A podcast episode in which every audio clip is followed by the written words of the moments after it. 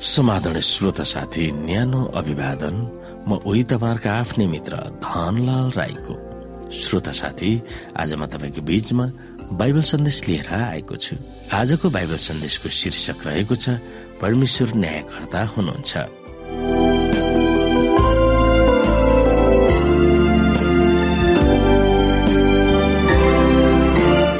श्रोता हामी भजन संग्रहको पुस्तक पचहत्तर अध्यायलाई हेर्न सक्छौ। परमेश्वर प्रति आस्था नराख्ने उहाँको अस्तित्वलाई सरासर स्वीकार नगर्ने दुष्ट र पापी मानिसहरू आफ्ना उपलब्धि देखेर किन व्यर्थमा घमण्डमा फुल्दछन् वा रमाउँदछन्? हामी हेर्न सक्छौँ यही। हामी तपाईँमा धन्यवाद चढाउँछौ हे परमेश्वर हामी धन्यवाद चढाउँछौ किनकि तपाईँको नाउँ नजिकै छ मानिसहरू तपाईँका आश्चर्य कर्मको बखान गर्दछन्। तपाईँ भन्नुहुन्छ उचित समय म ठहराउँछु। निष्पक्षता साथ न्याय गर्ने म नै हुँ जब पृथ्वी र त्यहाँका सबै बासिन्दाहरू काम छन् त्यसका खम्बाहरूलाई थामी राख्ने मनी हुँ। अहंकारीहरूलाई म भन्दछु अहंकार नगर दुष्टहरूलाई म भन्दछु तिमीहरूको हाँक नदेखाऊ। तिमीहरू स्वर्गका विरुद्धमा आफ्नो हाँक नदेखाऊ अनि मुन्टो बटारेर वचन नबोल। पूर्वदेखि होस् वा पश्चिमदेखि अथवा मरुभूमिबाट होस् या कसैले पनि त्यो मानिसलाई उचाल्न सक्दैन। तर परमेश्वरले नै न्याय गर्नुहुन्छ। उहाँले एउटालाई होच्याउनुहुन्छ र अर्कालाई उच्च पार्नुहुन्छ। परमेश्वरको बाहुलीमा एउटा कचौरा छ जसमा गरम मसला मिसाएको छ। फ्रिज भएको मद्द छ। उहाँले त्यो खन्याउनुहुन्छ अनि पृथ्वीका दुष्टहरू सबैले त्यसको थिग्रा समय पिउँछन्। तर म चाहिँ सदा सर्वदै यो घोषणा गर्नेछु। म याकुबका परमेश्वरको स्थिति गाउनेछु। म सबै दुष्टहरूका सिंह काटिदिनेछु। तर धर्मीहरूका सिंह उच्च पारिनेछन्। सारा पृथ्वीका श्रमभौ राजा र स्वामी हुनुभएको परमेश्वर विधिको शासन चलाउनु कानून व्यवस्था र विधिहरू दिने पनि हुनुहुन्छ र न्यायकर्ता हुनुहुन्छ।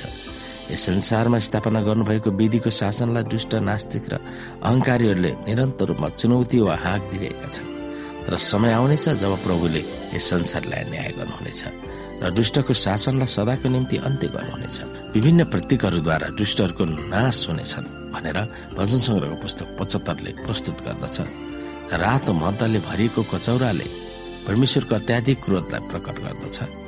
दुष्टहरूको सिंहहरू भाँचिनेछन् भन्नुको तात्पर्य तिनीहरूको शक्ति अधिकार फूर्ति र प्रभुत्वको अन्त हुनेछ भनेर चित्रण गर्दछ भने धर्मीहरूका सिंहहरू उचालिनेछन् भनेर विश्वस्त गराएको छ। परमेश्वरले उचित समयमा वा तोकिएको समयमा उहाँले न्याय गर्नुहुनेछ।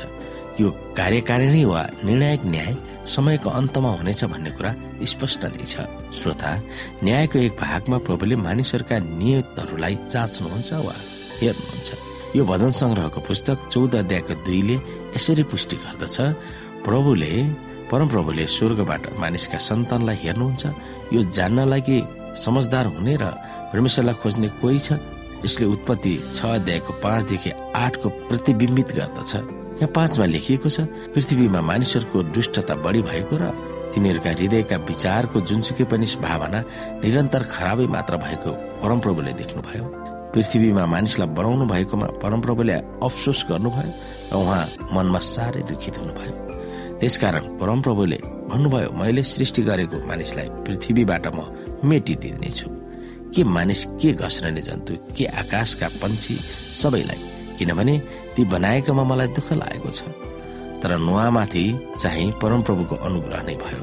दुवै अंशहरूले यो देखाउँदछ कि परमेश्वरले आफ्नो न्यायलाई कार्यान्वयन गर्नुभन्दा अघि मानिसको जीवनलाई जाँच्नुहुन्छ। कस कसलाई मुक्ति दिन सकिन्छ भनेर उहाँले हेर्नुहुन्छ। यो न्यायलाई कहिलेकाहीँ छानबिनको न्याय भनेर सम्बोधन गरिन्छ। त्यस बेला उहाँ धर्मीहरूको पक्षमा उभिनुहुन्छ र दुष्टहरूको भविष्यलाई निर्धारण गरिन्छ। यो कसरी कार्यान्वयन हुन्छ त?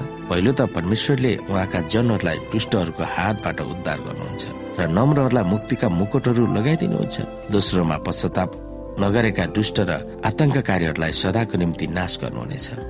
कतिपय भजनहरूमा मानव निर्मित अनेकौं हात हतियारहरू न्यायकर्ता परमेश्वरको विरुद्धमा प्रयोग गर्नु बेकार छ भनेर उल्लेख गरेका छन्। परमेश्वर क्षमा दिने प्रभु पनि हुनुहुन्छ तर दुष्टहरूका दुष्ट कामले गर्दा तिनीहरूलाई दण्ड दिनुहुन्छ।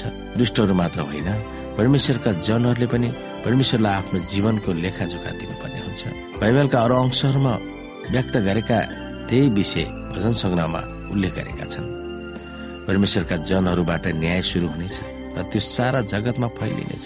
आफूलाई न्याय गर्न भजनका लेखकले चितकार गर्दछन् तर त्यो न्याय परमेश्वरकै धार्मिकतामा आधारित भएर उनको पक्षमा गरून् भन्ने उहाँमाथि भरोसा राख्दछन्। अन्तिम श्रोता परमेश्वरको न्याय प्रणालीको अपेक्षा गर्दा त्यसमाथि आनन्दित हामी हुनुपर्दछ। यो भनेर भजन संग्रहको लेखकले हामीलाई व्यक्त गर्दछन्। यसुको रगतले ढाकिएका जनहरूको निम्ति परमेश्वरले गर्नुहुने न्याय शुभ समाचार हो। यिनै विषयमा हामी सोच्न सक्दछौँ।